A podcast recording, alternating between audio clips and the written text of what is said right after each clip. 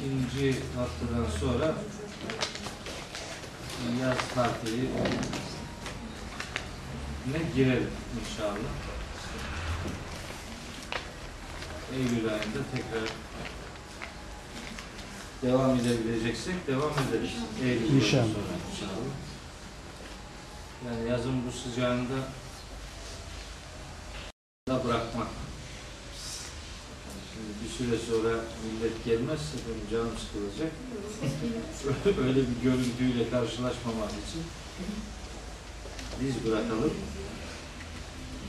Yani işte demek ki Haziran'ın 16'sında falan bu son dersi yapmış olalım. Şimdi daha Eylül ayında inşallah. Haftaya var. Ondan sonra Necmi bitirene kadar var. Yarısını bölmeyelim artık surenin. Evet. Bismillahirrahmanirrahim. Ve bihi nesta'in. Necm suresi indiriliş sırası itibariyle 23. sure. İhlas suresinden sonra Necm suresinin e, indirildiği kabul edilir. Biz o sıralamayı takip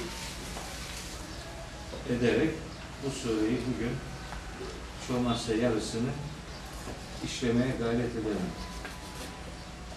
Necm suresi elbette Mekke döneminin ilk yıllarında indirilmiş bir suredir. Çünkü Felak, İhlas, Nas bunlar Risaletin neticede ilk yıllarıyla alakalı mesajlar içeren surelerdir. Zaten konular ele alındığında görülecektir ki Mekke döneminin sonları değil. Mekke döneminin ilk yılları burada eee, konu olarak kendisine gönderme yapılan dönemleri içeriyor. Bunu en başta özellikle söylüyorum ki biraz sonra ayetleri izah ederken bu ayetlere konu itibariyle isnat edilen bazı görüşleri daha sağlıklı değerlendirme imkanımız olsun. Birinci ayeti surenin yeminle başlıyor. Mekke surelerinin önemli ifade tekniklerinden biridir. Yeminle başlamak. Burada da öyle olmuş. Yeminle başlıyor. Neye yemin ediyor? Ona bakalım. Estağfirullah. Ve necmi ilâ heva. Battığı zaman yıldıza yemin olsun. Ya da battığı zaman ki yıldıza dikkat edin. Nedir şimdi bu? Battığı zaman yıldız ifadesi neyi anlatıyor?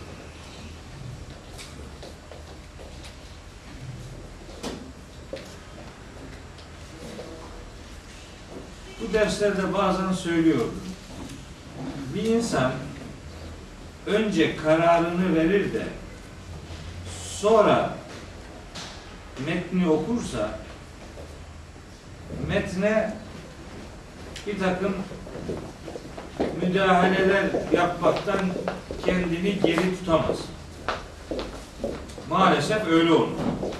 Önce karar verilir, sonra yani önce kanaat sahibi olunur da sonra metin okunursa kanaati doğrulatmak üzere metni zorlarlar. Metin zorlanır artık. Hiç alakası olmayan şeyler metinde varmış gibi lanse edilir. Niye bunu söylüyorum? Şimdi mesela heva kelimesi aslında işte düşmek, aşağı inmek, yıldız için kullanılacakla kullanılacaksa batmak, aşağı inmek, düşmek, batmak anlamlarına geliyor heva kelimesi. Ama sureyi ısrarla ve inatla Miraç konusuyla ilişkilendirdikleri için heva kelimesine yukarı çıkmak manası veriyor. Ve Necmi, Necme de Hazreti Peygamber diyorlar. Peygamberimizin isimlerinden biri de Necm imiş. Ve Necmi idâ heva yukarı çıktığı zamanki Muhammed'e yemin olsun. Böyle mana veriyorlar. Yani bu çok zorlama bir şey. Çok çok zorlama ayetin metnini, kullanım tekniklerini usulüne uygun olmayan bir takım yaklaşımlarla izahtır bu iş. Ben Kur'an'ı anlarken böyle bir metot takip etmemeye çok özen gösteriyorum. Kararımı verip de ayetlerle uğraşmıyorum. Ayetleri anladıktan sonra kararımı vermeye çalışıyorum.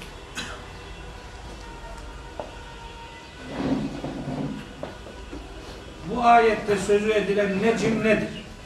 Necim. Bir takım görüşler var. Şimdi biri necim, yıldız demek. Kelimenin asıl anlamı da bu. Yıldız. Battığı zaman yıldıza yemin olsun demektir. Bir.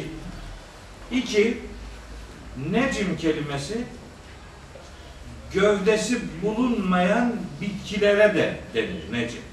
Rahman suresinde var ya hani ve necmu ve şeceru yescudani Er-Rahman allemel Kur'an halakal insane allemehul beyan Eşşemsu vel kameru bi husban ve necmu ve şeceru yescudan. Necim burada gövdesiz bitki, ot demektir. Ve şeceru o da ağaç demektir. Yani bitkilere gövdesiz ve gövdeli bitkiler. Necim gövdesiz bitki ot. Şecer gövdeli bitki ağaç. Necmin bir anlamı odur. O buna göre ve necmi ila heva işte yere serildiği zaman bitkilere yemin olsun. Böyle bir anlamı da var bunun. İkinci anlam olarak ifade ediliyor. Üçüncü anlamı necim kelimesi başındaki eliflamdan da hareket ederek özel bir yıldızın adı. Süreyya yıldızı. Araplarda meşhur. Şiirlerine konudur. Süreyya yıldızı. Ülker, ülker yıldızı yani. Ona gönderme yapılıyor. Genelde yıldızlara değil de özelde Süreyya yıldızına yemin edildiği ifade ediliyor. Bu Huza kabilesinin itibar ettiği bir Şira yıldızı var. Şira yıldızı. Bir dördüncü görüş olarak da Necim'den maksadın Şira yıldızı olduğunu söylüyorlar. Bu görüş çok yabana atılır bir görüş değil çünkü Necim suresinin işte bir dahaki ders işleyeceğimiz 49. ayetinde o yıldıza gönderme var. Ve ennehu huve rabbuş şi'ra. Şira yıldızıdır. İçinde o yıldızın adı geçtiği için böyle bir görüş daha söz konusudur. Musa kabilesi mi? Uzak kabilesi Şira yıldızına e, taparlarmış. Bu o öyle bir mana da veriyor. Bir beşinci manası demin en başta söylemiştim. Necme peygamberimiz diyorlar. İda heva hevaya da bu defa yükselmek manası veriyorlar. Yükseldiği zaman Hazreti Peygamber'e yemin olsun. Bir beşinci mana bu. Bir altıncı mana var. Ki bana göre doğru olan da budur. Necim parlayan şey demektir. Necim. Ne? Yıldız yıldıza parladığı için yıldız deniyor. Işık verdiği için yıldız deniyor. Parlaya parladığı zaman Yani yansıdığı zaman, geldiği zaman her parlayan şey necim diye isimlendirilebilir. Bu itibarla necim buradaki necimden maksadım Kur'an'ın indirilmesi, Kur'an'ın peyderpey indirilmesi anlamına gelir. Necim.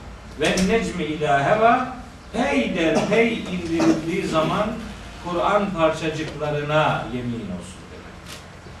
Peyderpey indirildiği zaman Kur'an parçacıklarına ya da peyderpey Kur- indirilen Kur'an'a ya da Kur'an'ın peyderpey indirildiği zamana yemin olsun.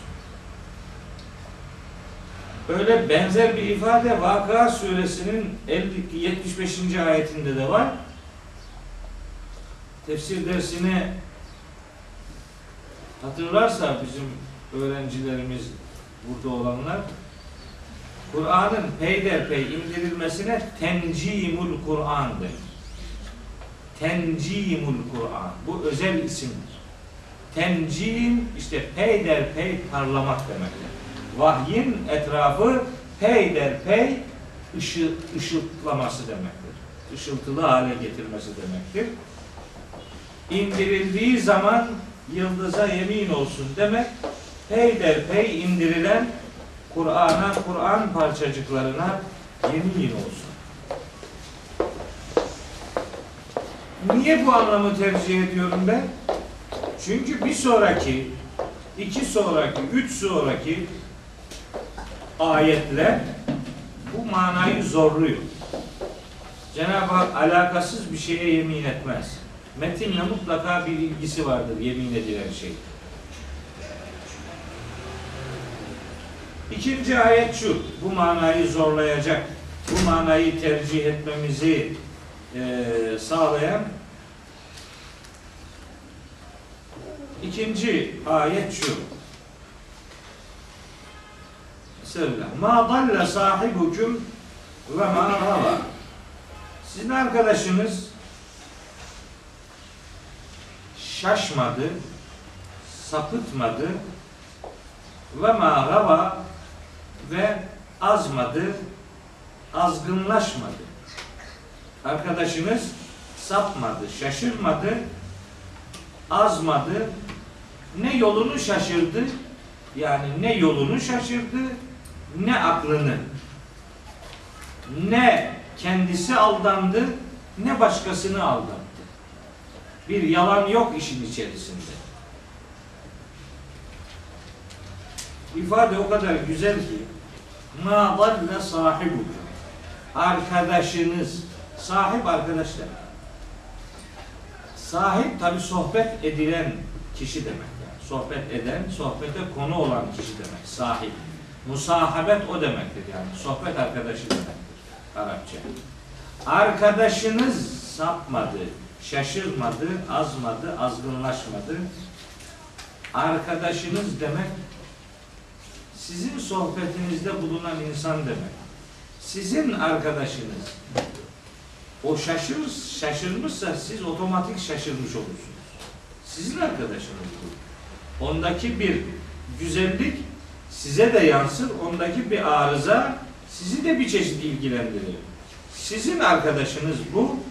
Çünkü biliyorsunuz bunun nasıl bir insan olduğunu. Yunus suresinde hatırlatıyor.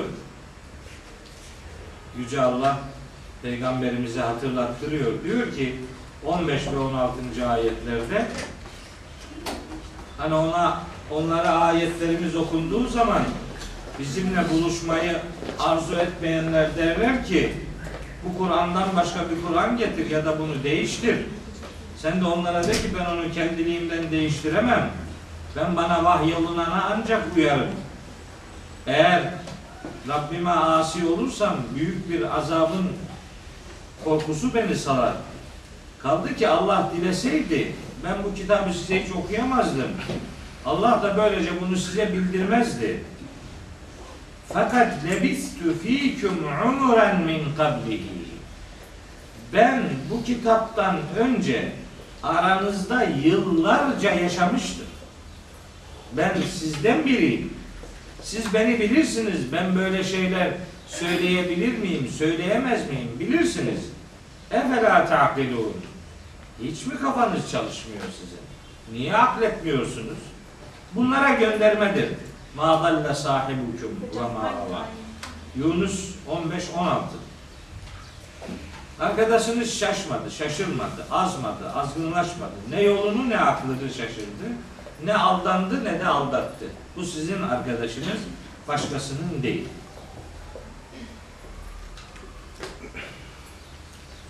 Şimdi bakın, ben necmi ila heva peyderpey gelen Kur'an'a yemin olsun. Bu aslında şu demek yani. Hani Yasin var ya Yasin'de. Yasin vel Kur'anil hakim.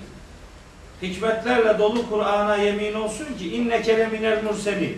Sen elçilerden birisin. Aynı yani. O, o mantığı, o manayı başka kelimelerle ifade ediyor. Peyderpey yine Kur'an'a yemin olsun ki arkadaşınız ne şaştı, ne azdı, ne aklını yitirdi, ne yolunu şaşırdı. Zaten sizin arkadaşınız bu. Buna öyle hak etmediği nitelendirmelerde bulunmayın. Şimdi devam ediyor. Ve ma yantiku anil heva. O hevasından da konuşmuyor.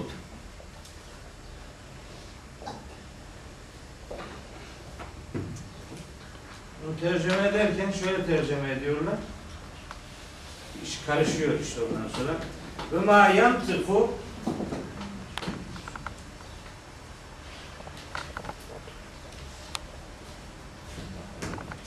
Yazı karıştı.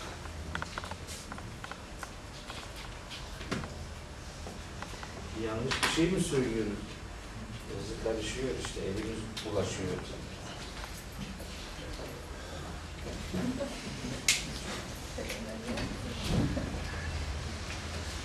Derneğin ayıbı benim değil yani. Öğrencilerin ayıbı hocam. Bitince atın diyorum burada bırak. Kalemleri fazla koymanın hikmeti anlaşılıyor. Bir yazar bulunsun diye. Ve ma yantiku anil heva. Tercüme ederken diyorlar ki o yani arkadaşımız yani Hazreti Peygamber ve ma yantiku nutuk etmiyor, konuşmuyor. Konuşmaz diyorlar. Ve ma yantiku konuşmaz o. Anil heva. Hevasından konuşmaz. Peki ne yapar? İn huve o yani onun konuştuğu şey illa ancak şudur. Neymiş? Vahyun yuha. Onun konuştuğu şey ona vahyedilmekte olan vahiydir. O, o vahiyden başkasını konuşmuyor. O kendisine ne vahyediliyorsa işte onu konuşur. Buradan hareketle diyorlar ki Hazreti Peygamber'in her konuştuğu söz vahiydir. Dolayısıyla hani onun bir de rivayeti var. Peygamberimiz elini ağzına getirerek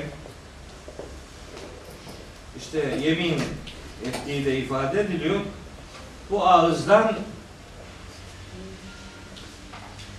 hakikatin dışında bir şey asla çıkmaz diye kendi ağzını işaret ederek söylüyor filan. Bu ifadeler bana çok yabancı arkadaşlar. Ben bana çok zor şeyler geliyor bunlar. Hani Kur'an'ı bilmeseydim inanırdım. Ama o hiç hevasından konuşmaz. Onun konuştuğu her şey kendisine vahyedilen vahiydir, başka bir şey değildir. Eğer hayatın her tarafını kuşatan bir hakikat ise kardeşim o zaman Tahrim suresi bir Abese suresi iki Tevbe suresinin bazı ayetleri üç Hazreti Peygamber'e o kadar şiddetli uyarılar var ki o kadar şiddetli uyarılar var ki hani vahiyden başkası değildi. Cenab-ı Hak hoş kendi kendini uyarıyor değil.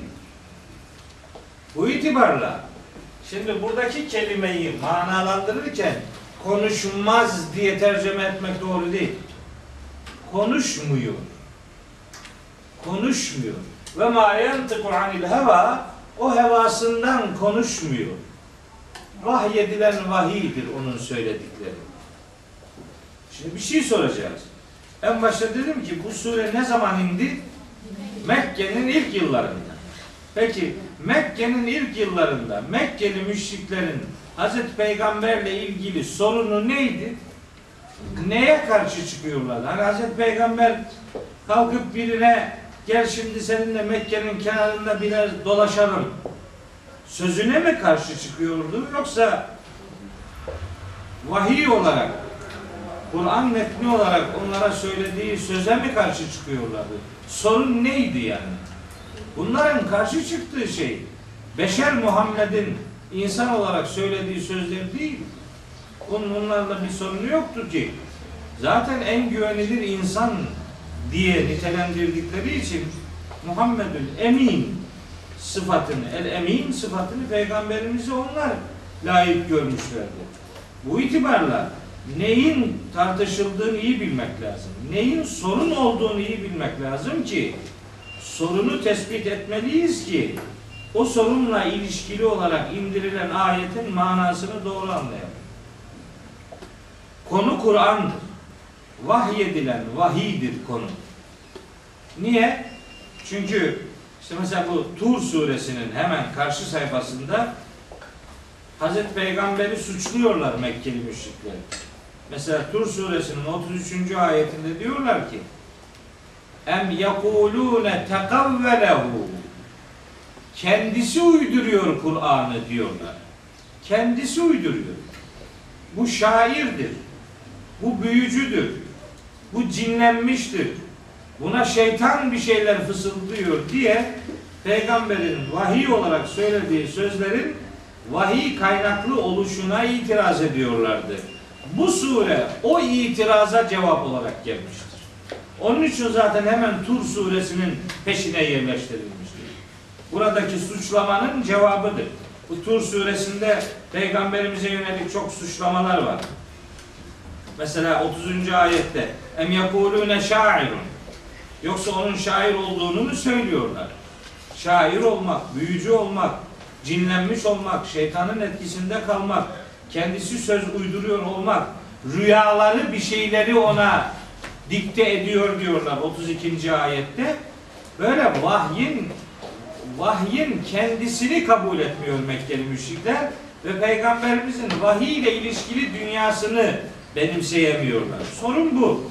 Şimdi bunu cevaplıyor ayet. Diyor ki peyderpey indirilen bu parça parça Kur'an pırıltılarına yemin ederim ki arkadaşınız ne aklını şaşırdı ne kendi şaştı. Ne kendisi aldanıyor ne başkasını aldatıyor. Zaten o hevasından, kendiliğinden konuşmuyor.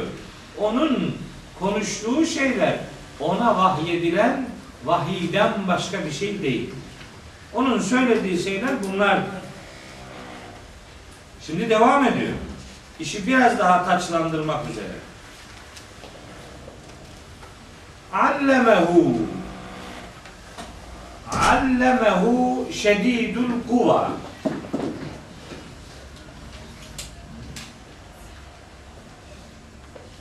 Allemehu şedidül kuva. Kuvveleri şedid. Kuvveleri güçlü. Yani mekanizması güçlü olan. Yani zü mirretin. Sağlam, oturaklı, dengeli, güçlü biri ona öğretmiştir. Ya da onu öğretmiştir. Ama allemehu'daki hu zamiri yani alleme fiili Arapçada iki mef'ul alan fiillerdendir. İki mef'ul alır. Beni anlayanlar anlasın. Bazı geçişli fiiller bir mef'ul alır, bazıları iki tane alır, bazıları üç tane alır. A'leme, era, enbe, nebbe, ehbere, habbere, haddese fiilleri üç mef'ul alır.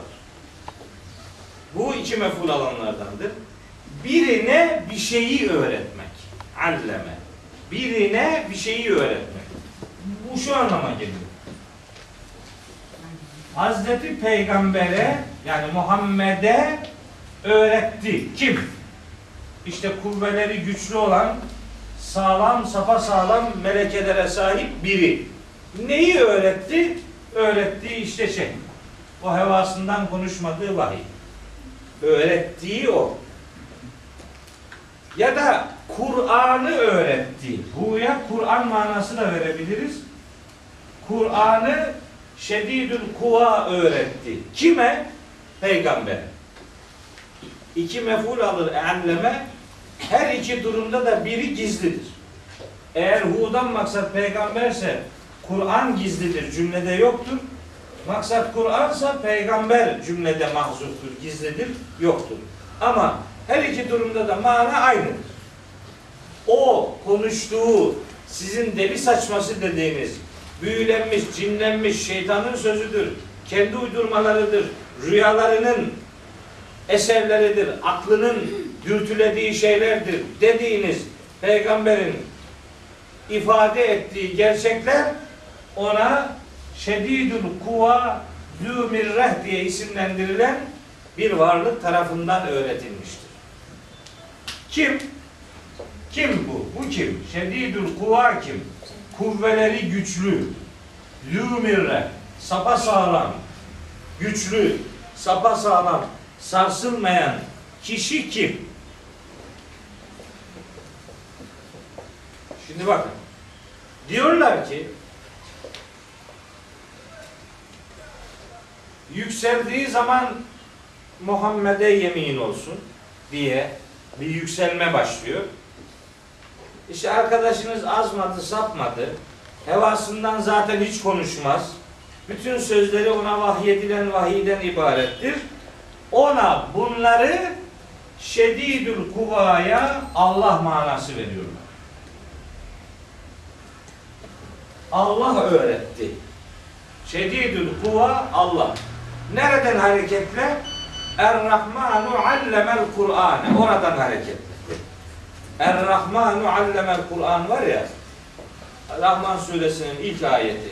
Rahman Kur'an'ı öğretmiştir. Oradan hareketle diyorlar ki şedidül kuva zümirre her ikisi de Allah'ın sıfatıdır. Peygambere bunları Allah öğretti diyorlar. Hani meseleyi miraca endeksleyecekleri için şimdi böyle kurgular yapıyorlar. Şedidül kuva Allah'tır.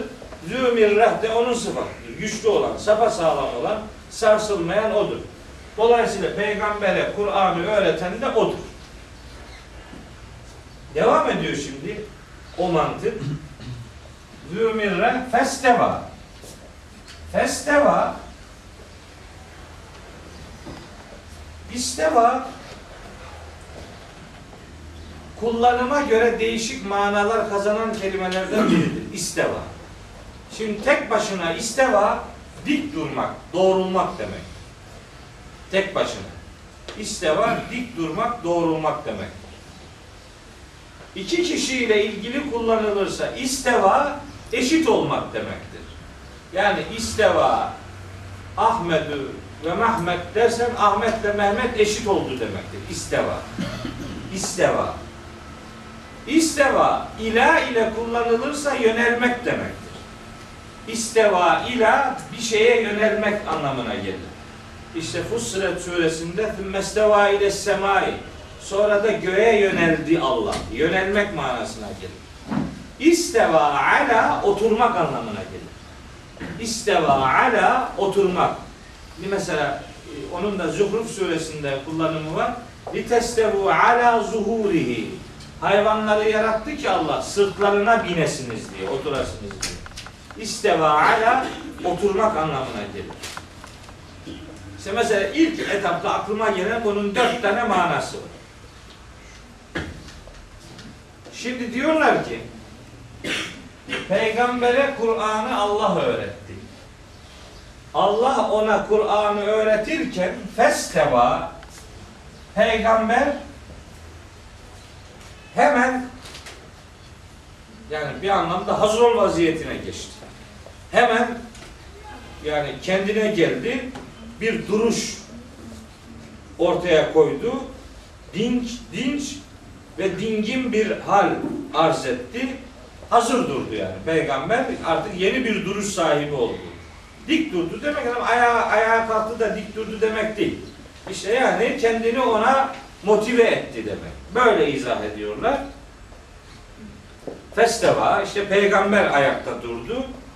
Ve huve bil ufukil a'la. Zaten o anda en yüksek ufuktaydı. Kimdi ufukta olan? Allah.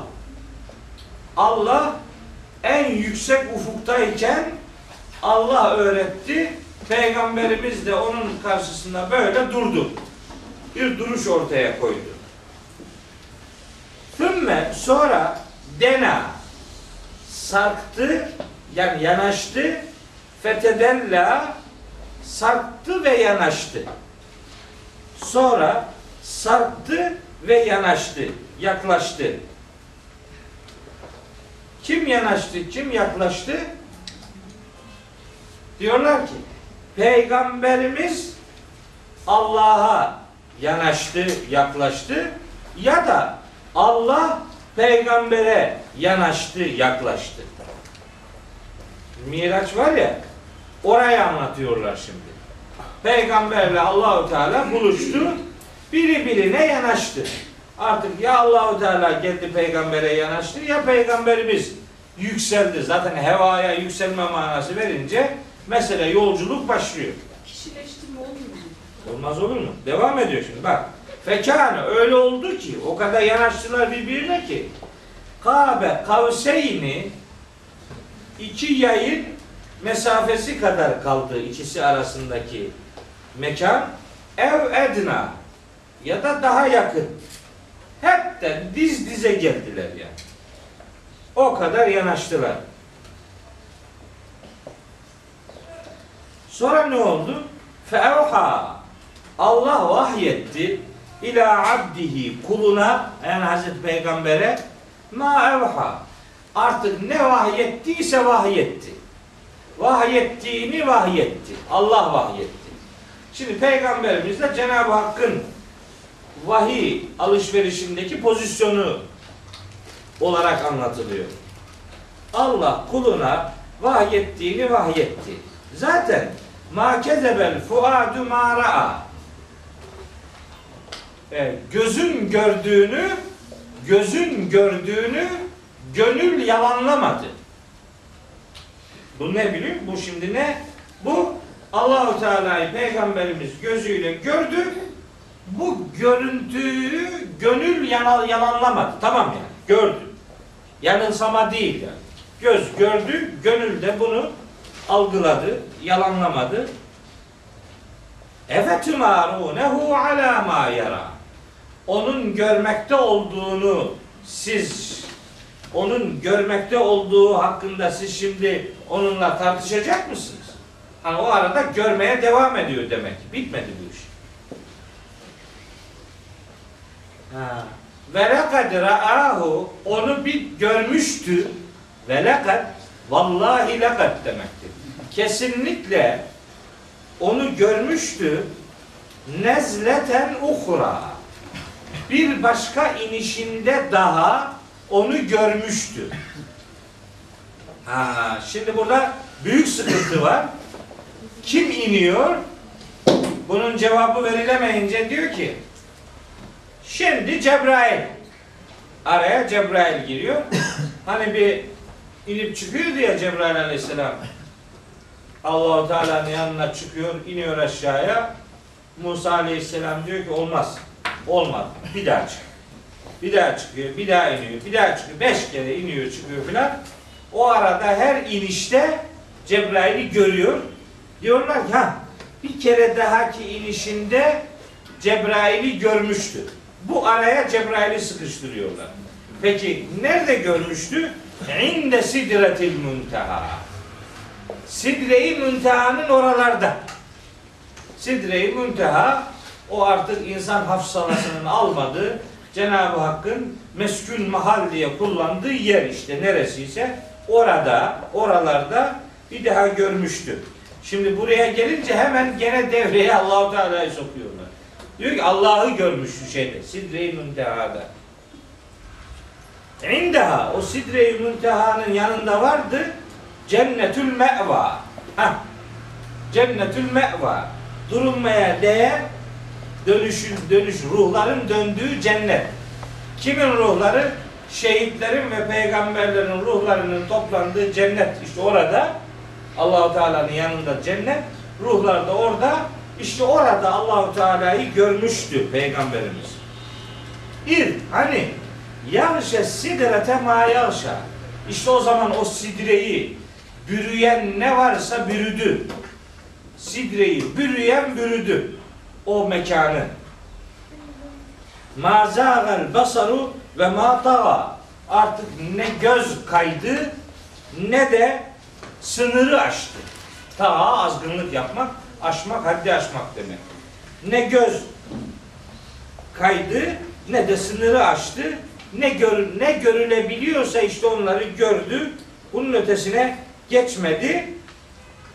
لَقَدْ رَأَى مِنْ آيَاتِ رَبِّهِ الْكُبْرَى İşte tam da orada Peygamberimiz Rabbinin ayetlerinin en büyüklerinden bir bölümünü gördü.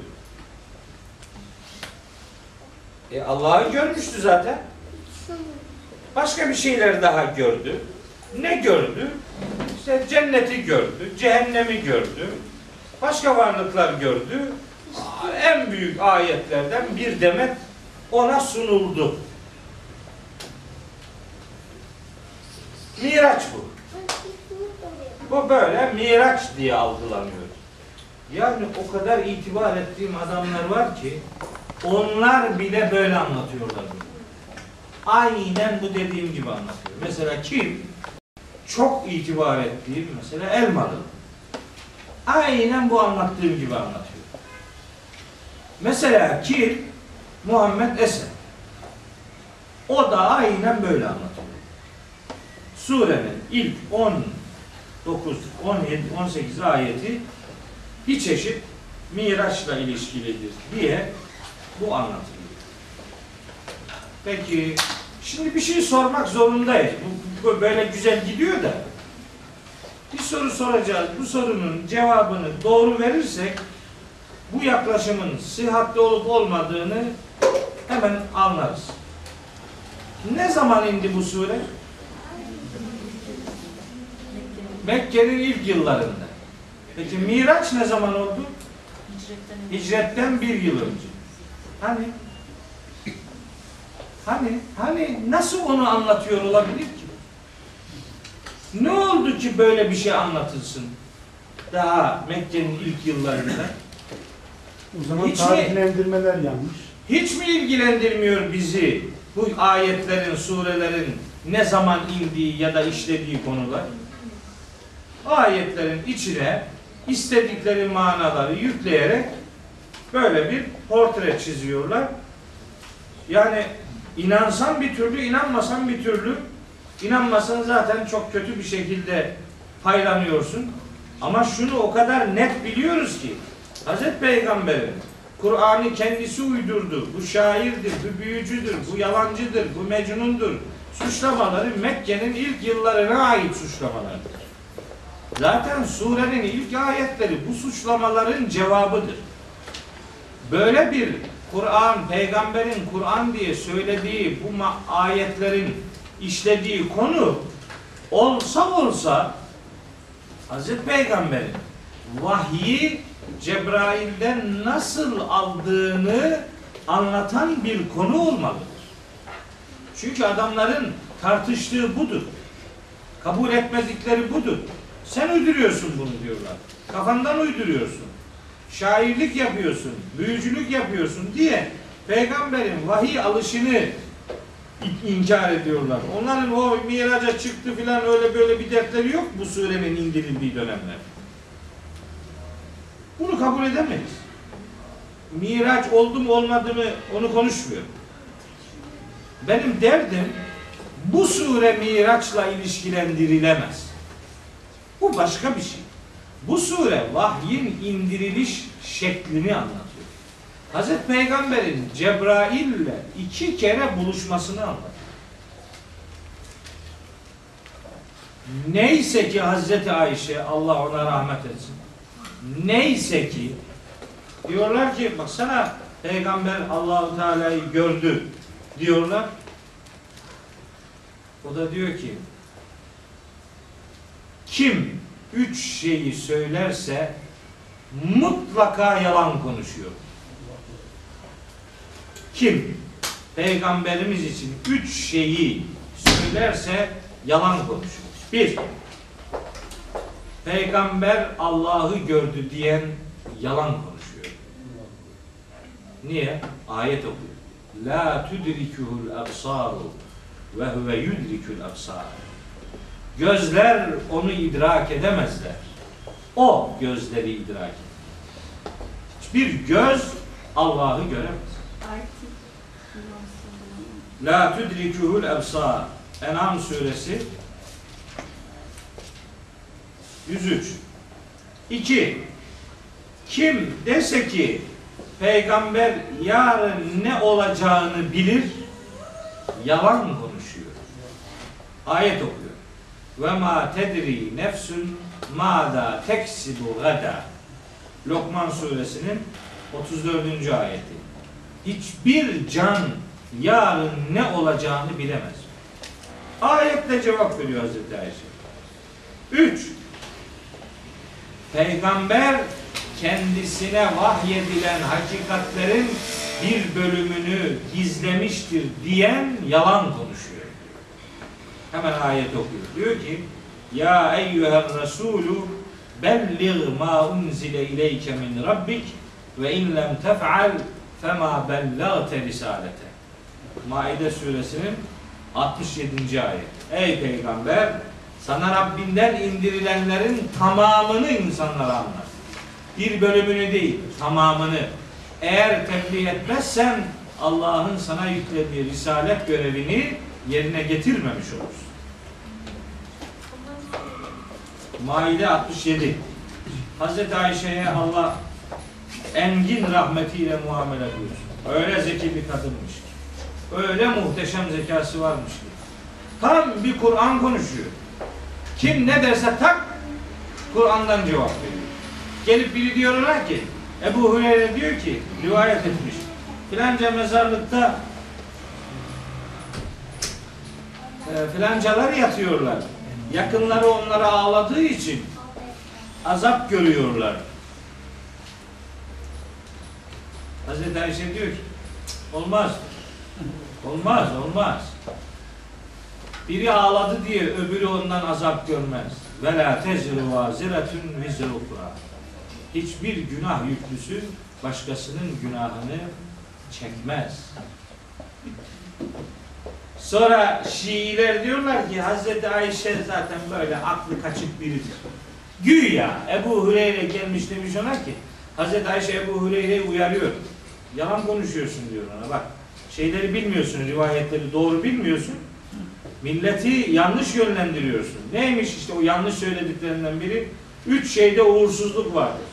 At, kadın, ev. Ezberleyememiş Ebu Hureyre. Yazık diyor. Peygamberimiz onu onun naklettiği yerde yarısında geldi diyor eve diyor. Yarısında. Konunun öncesini bilmiyor. Oysa peygamber diyordu ki Allah Yahudilere lanet etsin. Üç şeyi uğursuz sayarlardı.